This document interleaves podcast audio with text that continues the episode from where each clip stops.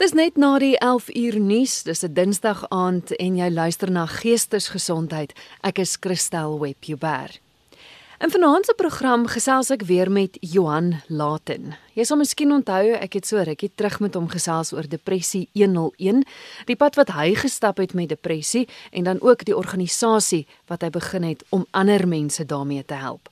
Maar vanaand gesels ons oor iets heel anders. Ons praat oor snellers. Goeienaand Johan, lekker om jou weer op die program te hê. Hallo Christel, baie dankie vir die geleentheid. Altyd lekker om met jou te gesels. Johan Snellers, ek weet meer mense sal dit miskien ken as as triggers. Presies wat is dit? Die snellers um, is daardie goed wat in my lewe gebeur wat my herinner aan sekere goed, uh gebeure wat in die verlede plaasgevind het.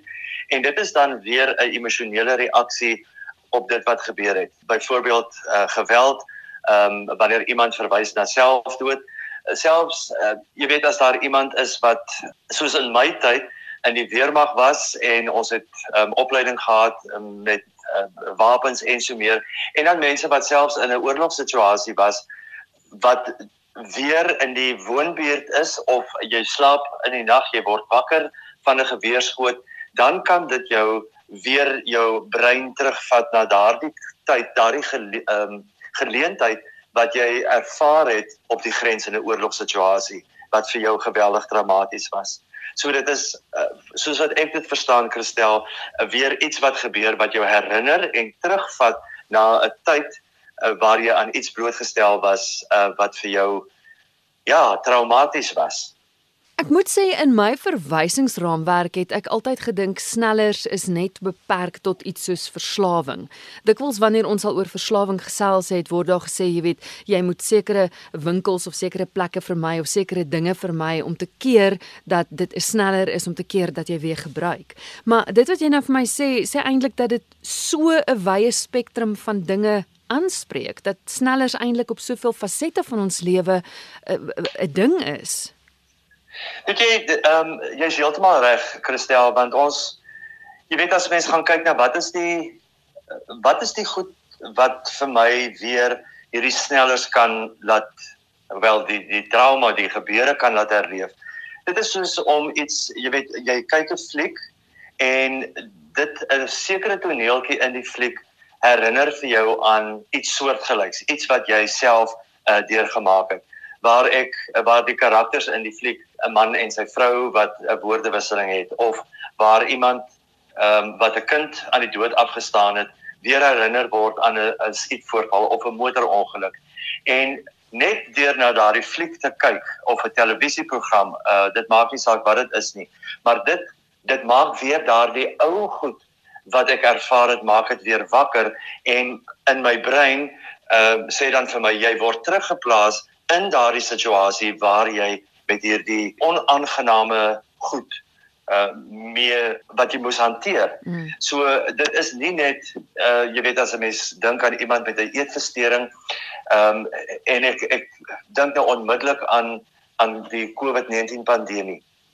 Wanneer ons ehm um, vir my as depressie vegter het mense uh, dikwels vir my gesê dit is seker vir jou uitdagend om in hierdie tyd so ingeperk te word. En my antwoord is dan uh, weet jy dit is um, ek word nie aan soveel goed daar buite blootgestel wat uh, waarmee ek gekonfronteer word nie.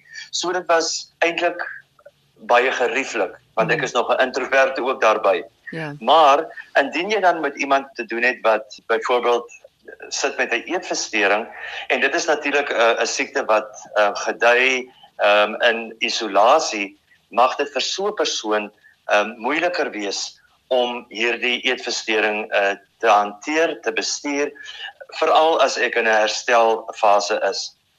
So 'n ander voorbeeld wat ek uh, miskien kan noem is 'n spesifieke tyd van die dag. Jy stap in die veld, jy uh, dis 'n sonsondergang en net daardie 'n pragtige beeld wat jy het, herinner jou aan iemand wat wat jy aan die dood moes afstaan. En dan uh, maak die brein die assosiasie met nie net die persoon wat jy mis nie, maar ook moontlik op die manier waarop jy waarop die persoon jou ontval het en dan kan dit weer die ou ehm um, herinneringe weer ehm um, lewend maak, weer op laat opflikker en dan sit jy met dieselfde en dan moet 'n mens weer deur hierdie goed begin werk. Geluide wat 'n mens herinner, ek het net maar verwys na geweerskote. Mm. Ehm mm. um, belangrike datums, veral ek dink mense wat in die afgelope tyd ehm um, geliefdes, vriende, kennisse weens Covid um, aan die dood moes afstaan. Nou vier ons die eerste Kersfees, die eerste verjaarsdag, huweliksherdenkings en so meer sonder hierdie hierdie persoon. En dit is weer 'n uh, 'n alledaagse ding wat die sneller is wat my weer my lewe, my verhouding ensovoorts goeie herinneringe saam met daardie persoon dat herleef en nou ja, dan dan kan dit in in in sekere gevalle deur hierdie trauma laat herleef. So dit klink vir my mense kry 'n klomp verskillende tipe snellers. Jy het nou 'n paar voorbeelde genoem, maar dis partykeer regtig klein goedjies wat 'n sneller kan ja. wees. Ja.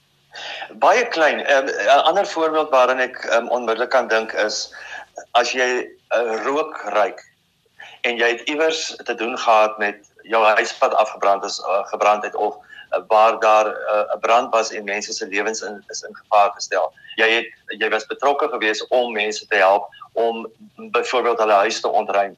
Of wat die scenario ook al mag wees. Selfs so iets kleins. Dink nie 'n mens gaan nou spesifiek as dit sigaretrook is, daardie dit as 'n sneller sien nie, hmm. maar wanneer iets buite brand, mense wat vullis verbrand en so meer, kan dit regtig so iets kleins wees wat 'n mens dan weer herinner aan die verlede.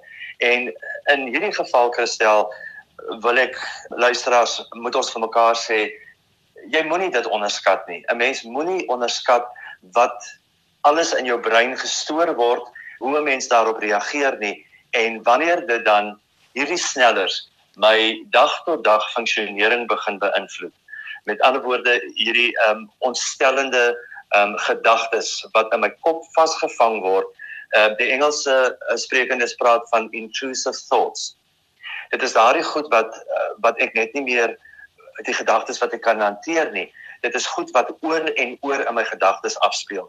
Jy analiseer dit. Miskien is daar mense wat aan hierdie trauma blootgestel is wat sê indien ek dit en dit sou doen, dan kon ons die brand gekeer het. Indien ons um, as ek um, miskien uh, my um, my huweliksmaat, my lewensmaat beter hanteer het, meer empatie getoon het, dan sou ons verhouding nie beëindig word nie. So dit is klein, ek wil nou die woord nuances gebruik, maar dis nie die regte woord nie, maar dis klein goedjies mm. wat 'n mens net weer kan terugneem na daardie gebeure. En wanneer dit begin gebeur, wanneer ek hierdie snellers ervaar, dan moet ek onmiddellik ehm um, optree. Ek moet vir my um, onmiddellik self sê, Johan, wat is dit? Uh, wat is die uh, die emosionele, die uh, fisiese simptome, veranderinge wat ek in my liggaam ervaar sodat ek gouer kan optree en nie wag dat hierdie hierdie herhalende traumatiese ervaring dat dit uiteindelik by 'n moontlike posttraumatiese stresversteuring uitkom nie. Want is dit wat die gevolg gaan wees? Is is daar 'n proses? Ek meen jy het nou die sneller is daar 'n proses en los jy dit gaan posttraumatiese stres op die ou einde die gevolg wees? Wel, uh, daar is verskillende simptome natuurlik wat mense elke individu gaan dit anders ervaar. Maar as ons kyk um, na die mees algemene simptome, dit is 'n uh, terugflitse, ernstige buitengewone angs, gedagtes van die situasie of ge of die gebeure waaroor ek nie regtig beheer het nie. En wanneer dit uiteindelik by posttraumatiese stres uitkom, dan is dit die herstel, my manier om dit te hanteer is dan onsuksesvol. So ja, dit gaan 'n proses wees. Dit is iets waaroor ek waaroor ek moet praat. En soos ek in ons eerste gesprek gesê het, Christel, is dit vir my as depressievegter ononderhandelbaar dat jy oor jou jou geestesongesondheid moet praat wat die simptome, wat die oorsaak ook maar al mag wees van iemand wat met depressie gediagnoseer is. En dieselfde hier dat ek ehm um, my moet beroep op ondersteuning want ek weet soos wat ek dit nou ervaar, wanneer die snellers hierdie herinneringe in my kop weer aan die gang sit, ek kan dit nie meer op my eie hanteer nie en dan moet ek gaan aanklop vir hulp. En dit is bloot eenvoudig ek gaan praat met met my geliefdes, mense wat in dieselfde situasie was as ek. Ek moet gaan kyk na byvoorbeeld my diep asemhaling.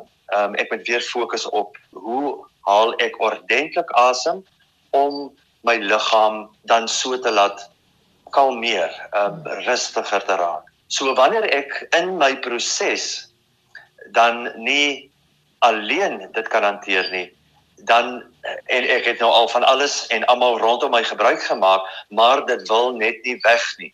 Dan is dit en ek wil weer die woord um, onvermydelik, ononderhandelbaar dat ek professionele hulp moet kry. En dis natuurlik, jy kry trauma beraders, jy kry ehm um, kliniese sielkundiges. En as dit ehm um, en ek dink dit is vir 'n groot deel van ons bevolking in Suid-Afrika die uitdaging. As jy nie 'n mediese fonds het nie, is dit ongelooflik duur en baie van ons kan nie daardie terapie bekostig nie. En dan ehm um, beroep ek my op is daar miskien 'n geestelike leier? Ehm um, is daar miskien 'n mentor in my lewe wat ek ehm um, vertrou met my ehm um, inside story sodat ek net iewers 'n begin kan maak en die geestelike leier of mentor uh, is dan iemand al kan hy of sy nie vir my begelei op die deur hierdie proses nie is ek oortuig daarvan dat daardie mense 'n positiewe ingesteldheid het. Hulle het die empatie sodat hulle sal sorg um, om vir jou by die regte mense uit te bring. Dis vir my fantasties dat mense uitkom vir hulp. Dit mag dalk nou snaaks klink as ek dit vra, maar is dit nie juis soms nodig dat jy 'n sneller in jou lewe moet kry wat maak dat jy moet praat daaroor nie? Ek weet op alle vlakke is is dit nie goed nie. As jy verslaaf is aan iets, is dit nie goed om sneller in jou lewe te hê nie, want dit kan jou weer van die wa laat afval. Maar in 'n ja. geval soos iemand wat byvoorbeeld, kom ons noem dit in die weermag was, wat traumatiese ja. dinge beleef het op die grens, wat moontlik nooit daaroor gepraat het nie. Is dit nie juist dan 'n positiewe ding as 'n sneller gebeur wat maak dat hy by iemand Ek weet dit gebeur soms dat hulle dan nou wel nie uitkom vir hulp nie, maar maar kan dit nie as 'n positiewe ding soms gesien word nie? Ek dink ek dink dit is ehm um, jy's heeltemal reg. En ek dink nie 'n mens moet dit as 'n vraag vra nie, 'n mens moet dit juis ehm um, vir mense aanmoedig om hierdie goed hierdie snellers as juis van 'n uh, as positief ervaar uh, en gebruik. Jy moet dit miskien van 'n 'n heel ander invalshoek benader. En want jy weet, Christel, ons my generasie wat destyds nog nasionale diensplig gedoen het, in daardie tyd ehm um, was dit nie 'n man huil nie, soos mm. Nas Botha altyd gesê het, cowboys don't cry. Maar in hierdie geval is dit juis nodig want mans van my ouderdom sit met soveel onopgeloste bagasie wat ons met ons saamsleep want ons is nooit daardie geleentheid gegee om die situasie te ontlont nie. En wanneer ons nou by ek het aan die begin die voorbeeld genoem jy jy word wakker in die nag van 'n geweerskoot en nou ja, my die veg of vlug besigheid gaan ons miskien net maar aan um, aanraak, maar in hierdie geval gaan ek eersins opspring om te kyk um, is my gesin veilig? Waar is dit? Is dit naby my? Is dit ver van my af? Maar omdat dit 'n vorige traumatiese gebeurtenis in my lewe weer wakker maak, is dit dan juis nodig om daaroor te praat. En liewe luisteraar, jy is dalk nie uh, iemand wat met hierdie goed um, uitgedaag word nie, maar ek wil vir julle uitdaag, uitnooi om asseblief wanneer jy hierdie goed op tel wanneer jy hoor mense praat en wanneer jy tussen die lyne kan lees want dit is gewoonlik waar ons die inligting optel om net bietjie fyner te kyk. Nie net wat die persoon sê nie maar ook hoe hy optree. Eenvoudige goed soos liggaamstaal maak ek oogkontak al dan nie vermy ek sekere onderwerpe of is daar sekere onderwerpe wat die hele tyd na vore kom? Dan is dit so belangrik om uit van 'n ondersteunersoogpunt dan die persoon nader te trek, figuurlik gesproke, en op 'n gerusstellende manier die regte vrae te vra om die persoon op so 'n punt te kry waar hy of sy die vrymoedigheid gaan hê om oor hierdie goed te praat. Nou ja, Christel, op hierdie stadium moet 'n mens dan ook vir jouself sê wanneer iemand die heeltyd hierdie 'n trauma onderdruk het, nooit daaroor gepraat het nie, want ons wil dit agter ons sit. Ons wil nie weer daarmee gekonfronteer word nie. Nou kom ek en ek konfronteer jou met hierdie hierdie verskriklike onaangename ding wat my lewe totaal en al omver gegooi het. Dan moet ek as ondersteuner, ek as gespreksgenoot moet dan uh, verstaan daar moet eers 'n vertrouensverhouding gebou word. En dit kan tyd vat. Ek kom weer terug na die vraag oor die proses waardeur 'n mens gaan. En ek as ondersteuner moet dan versigtig wees om nie die persoon um, onder bespreking te druk in 'n rigting wat ek dink reg is um, om hom gereed te maak om oor hierdie goeters te praat nie. Ek spring ook nou weer van die een trauma na die volgende en ehm um, jy vra is 'n sneller nie juis 'n positiewe ding om daaroor te praat. Byvoorbeeld as ek te doen het met 'n tiener, ehm um, 'n volwassene wat praat oor selfdood. Nou ja, selfdood um, op sigself is 'n onderwerp waarmee ons onsself lank mee kan besig hou. Maar wanneer daar 'n voorval is, byvoorbeeld polse wat gesny word, 'n selfbesering en so meer. Ehm um, sê dit vir my as ehm um, buitestander, iemand wat van buite af binne toe kyk, hierso is iets aan die gang. Nou ja, dit is nie noodwendig 'n sneller wat my terugvat na 'n onaangename herinnering nie, maar hier is dit iets wat gesprek kan sneller. Dit kan dit is 'n 'n baie uh, gerieflike vertrekpunt vir my om dan so 'n persoon nie te konfronteer nie, maar dit 'n vertrouensverhouding te te stel en te sê kom ons praat hieroor sodat jy by die by die wortel van alles kan uitkom. So om op te som, jy's heeltemal reg. 'n Mens moenie net snellers vanuit 'n negatiewe oogpunt sien nie. Dit het beslis uh sy voordele. Johan, dit voel vir my so asof dit in twee groepe ingedeel kan word. Die tipe snellers wat wat goed is miskien wat wat gesprek kan uitlok, wat goed is want om te praat oor dinge dis tog genesend. Maar ja. dan is daar 'n ander groep ook snellers wat wat regtig nie goed is nie. En ek keer terug weer na die voorbeeld van van verslawing wat wat regtig nie goed sal wees as dit in jou lewe gebeur nie want dan gaan dit maak dat jy weer die verkeerde pad gaan loop. Hoe keer mens moet mens nou maar net sorg dat jy seker goed vermy waar jy dalk sneller kan raakloop of hoe hoe gaan mens te werk in daai geval? Ek dink ehm um, jy weet as 'n mens gaan kyk na ek dink die maklikste voorbeeld om na te verwys wat die meeste van ons ken of van bewus is is ehm um, drankmisbruik Ja ja, 'n mens ehm um, wanneer iemand in rehabilitasie is, dan voordat hy gaan vir rehabilitasie, is dit vir my belangrik dat so 'n persoon self daardie besluit moet neem om op te hou drink. As jy 'n roker is en jy wil nou ophou rook, dan moet jy self daardie besluit neem. Ander mense kan dit nie vir jou doen nie want dan is dit half ehm um, ek gee mee onder die druk wat op my geplaas word en dan oor 2 of 3 dae wanneer ek weer iets doen, ek is gespanne, ek het gewoonlik 'n sigaret aangesteek of 'n glasie wat ook al gedrink om my te help met hierdie angs en um, ongemaklikheid waarmee ek is, dan gaan dit nie help nie, dan gaan ek weer terugkeer. Maar wanneer ek nou kyk na drankmisbruik. Ehm um, ja, ons gaan na vergaderings toe by alkoholiste anoniem. Daar word ek geleer um, om daaroor te praat, om 'n ondersteuner te kry in die naam van 'n sponsor of 'n buddy of wat ook al vir wie jy kan skakel om te sê goed, uh, ek het nou lus vir 'n drankie, maar ek is nou op die oomblik verskriklik. Die versoeking is baie groot. Hmm. So in die wanneer 'n persoon dan droog is nou al vir geruime tyd en ook in die proses na na herstel want dit gaan sekerlik die hele tyd maar 'n proses bly. Dan moet ek ehm um, geleenthede mense vermy. Want wanneer ek nou gaan braai saam met vriende dan word ek men ons assosieer dit met jy weet ek gaan nou ons maak 'n bier oop ons skink 'n glasie wyn om die vuur ons ons gesels lekker. En dan nou ja 'n mens kan nie vir jou um, in so 'n situasie onttrek uit die samelewing en jou sosiale lewe tot nul maak nie en dan sou ek sê dit is die verantwoordelikheid van van vriende wat hierdie persoon gaan ondersteun en dat hulle dan 'n ooreenkoms maak wanneer ons vir persoon X in ons midde het dat niemand alkohol sal gebruik nie. Dit is 'n opoffering, maar regtig een of twee keer in in 3 weke of 'n maand of wat ook al, kan 'n mens daarom sekerlik so iets um, opoffer. Dit is 'n spesifieke ehm um, situasie. Uh, as ek saam met my pelle rugby kyk of ja, die die voorbeelde is legio waaraan ek nie nou kan dink nie, maar daar is sekere situasies, mense, plekke wat 'n mens dan moet vermy.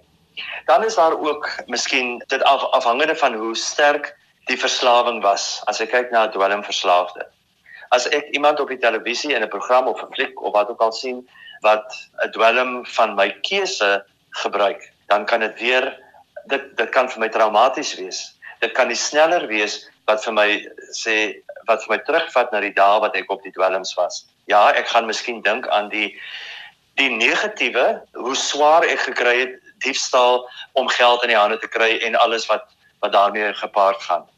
Maar dit kan ook die potensiaal is daar dat dit weer daardie smag na 'n dwelm. Die Engelse praat van craving wat dit net weer dit by my wakker maak en nou moet ek ehm um, met alles in my moet ek nou beklei om hierdie smag na die dwelm teen teen te werk. Of dan in gevalle is dit waar mense dood eenvoudig net sê ek kan nie en hulle val terug 'n relapse weer eens dankie vir die Engelse vir daardie woord om en ek gaan terug op die ou weer want dit is die maklikste uitweg om my situasie um, en die spanning die druk waar ek onder verkeer die dwelmstand as 'n tydelike ontvlugting te gebruik. Ek dink altyd so daaraan, jy weet, dit is so maklik om vir iemand te sê aan dwelms verslaaf is, moet net nie weer gaan waar jy dit altyd gekoop het nie of vermy die drankwinkel waar jy altyd jou drank gekoop het. Jy het nou vroeër gepraat van eetversteurings. Hoe vermy jy 'n winkel waar waar kos gekoop word as jy eetversteuring het? Want want dikwels kan jy dink hoeveel triggers is daar, hoeveel snellers is daar in in 'n winkel vir iemand wat 'n eetversteuring het. So dis dis regtig uitdagende dinge.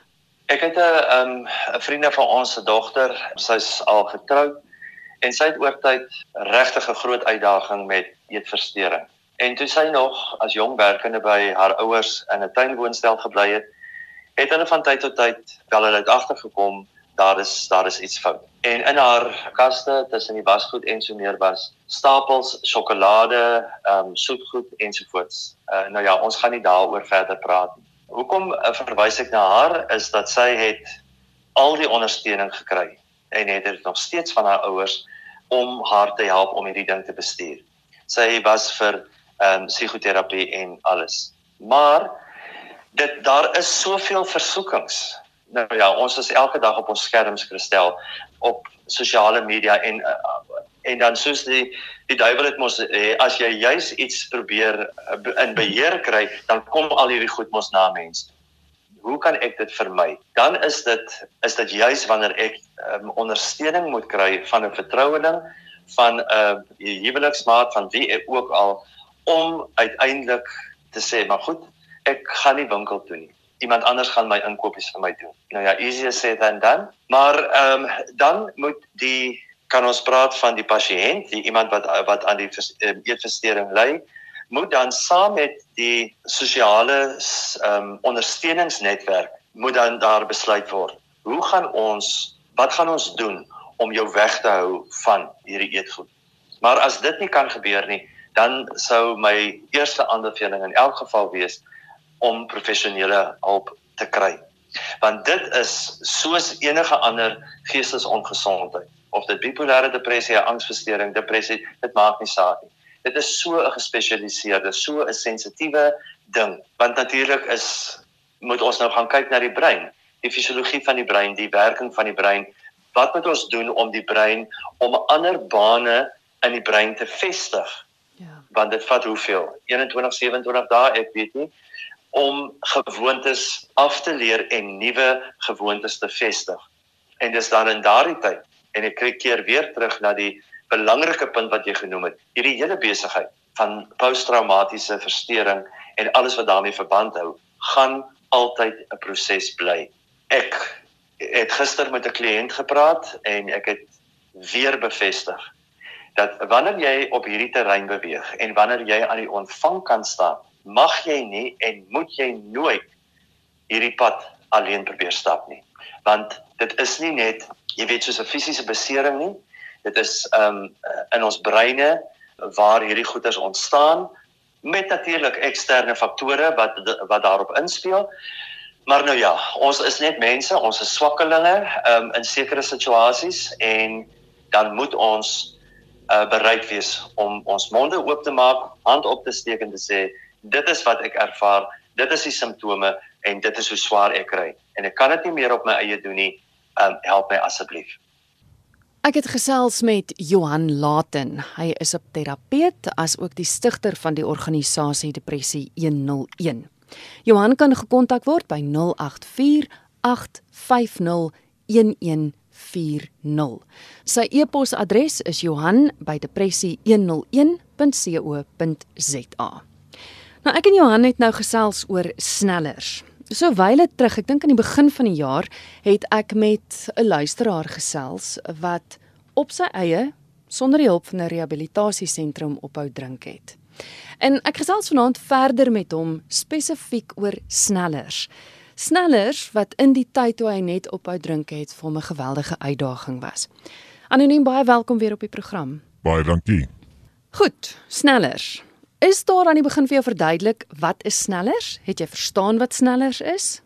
Kristal, in die begin fokus jy net daarop om nie te drink nie, maar jy besef nie dat daar sekere snellers is wat jou kan maak drink sonder dat jy dit eers agterkom nie.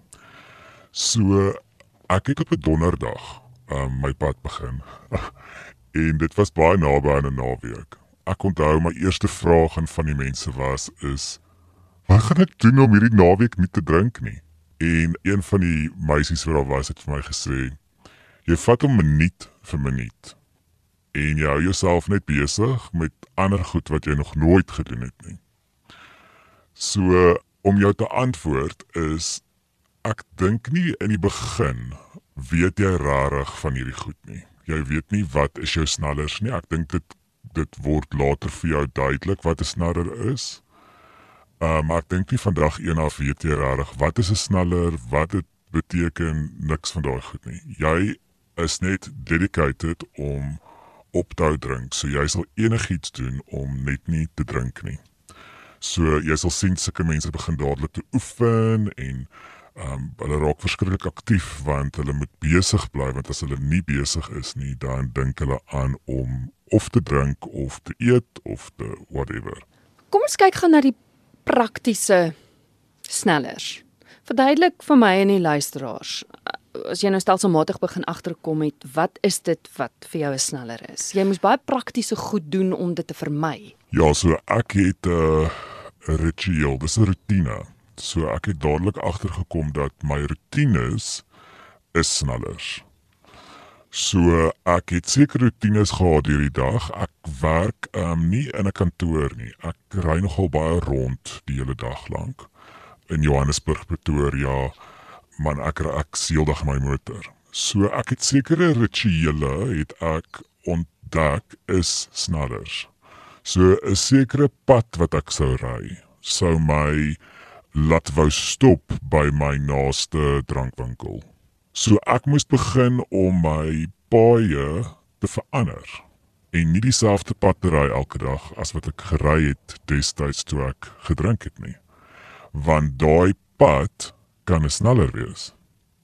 Daai tyd van die dag kan 'n sneller wees op daai pad.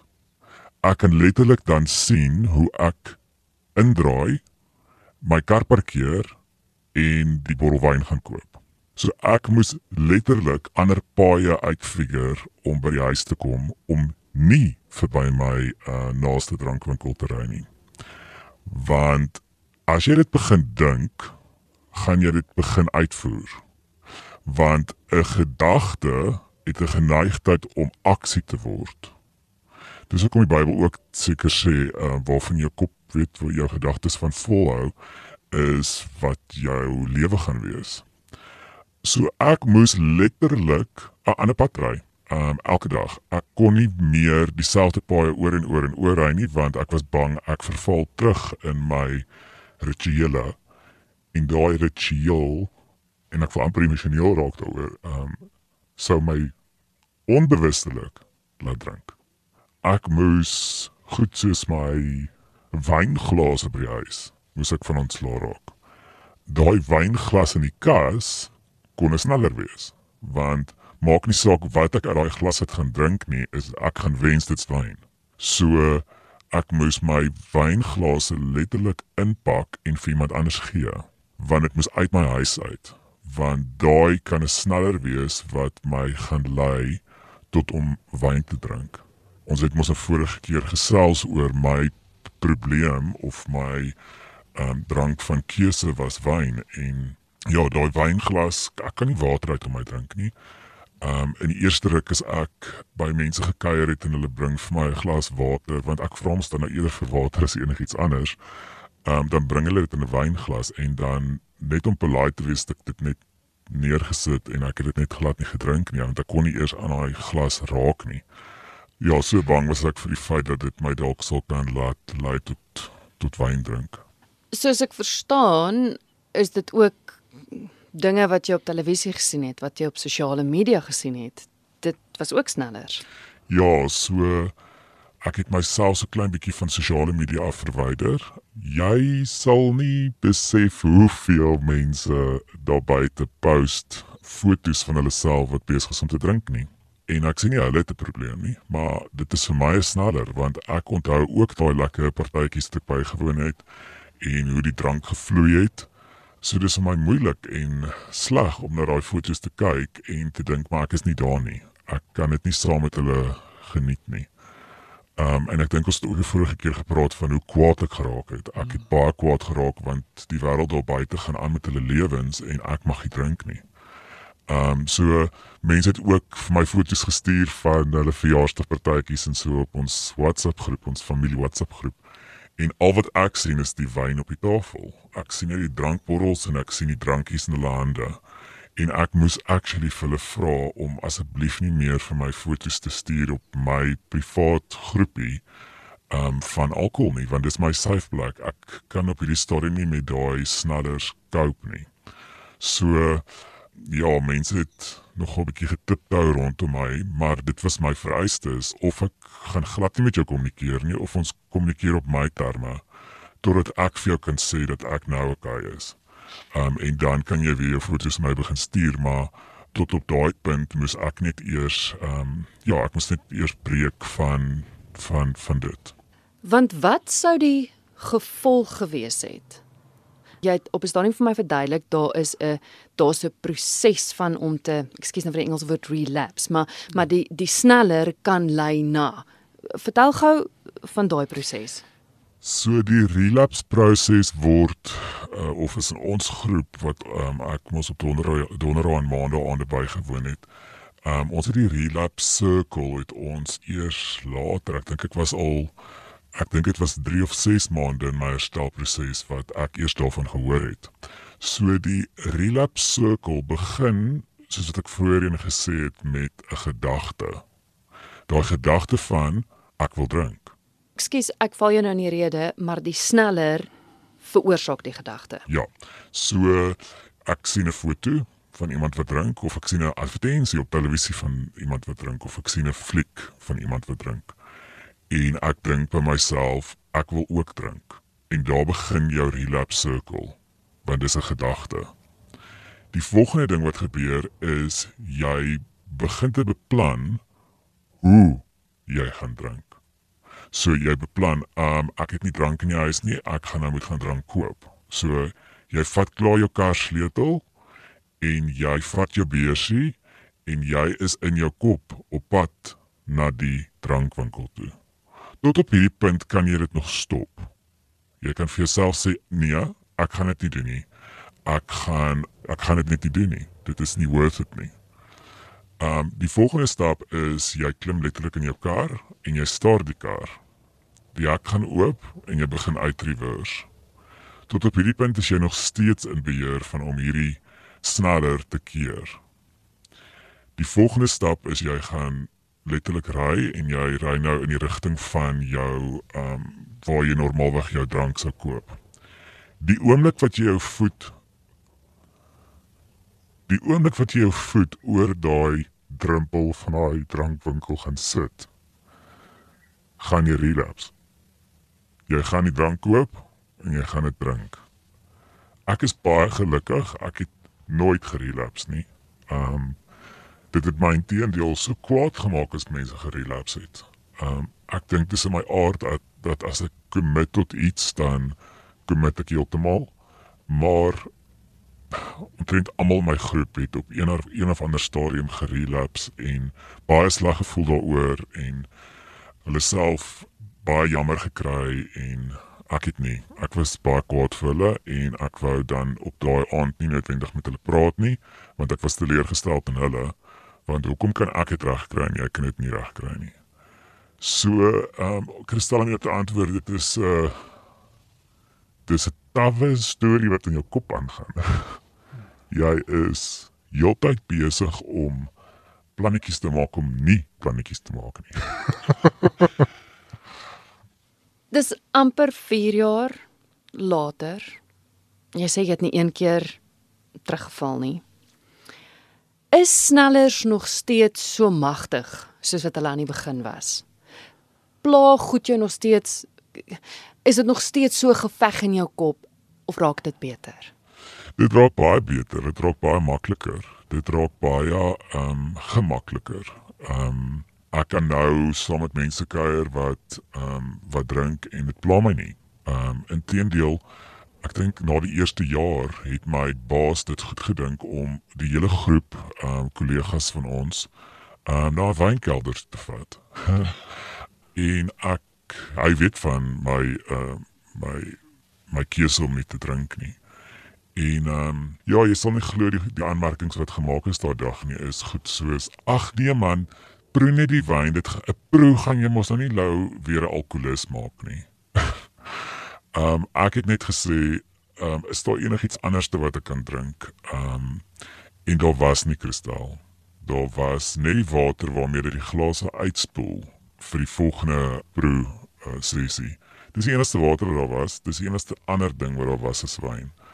So uh, ek was weer eens kwaad, maar ek het eintlik op daai punt het, het ek gelag daaroor want ek het net besef dat dis ek in die wêreld. Ehm um, dis ek teen my uitdaging en ek gaan nie dit in my beat nie. So dit raak makliker um, om net te antwoord. Ehm um, maar ek het al dit het al gebeur dat as ek by 'n restaurant sit en iemand sit langs my en drink wyn, dat ek per ongeluk hulle wynglas optel en dan net in daai oomblik kom ek agter o, maar dis nie my glas nie. Hier's my koeldrankglas.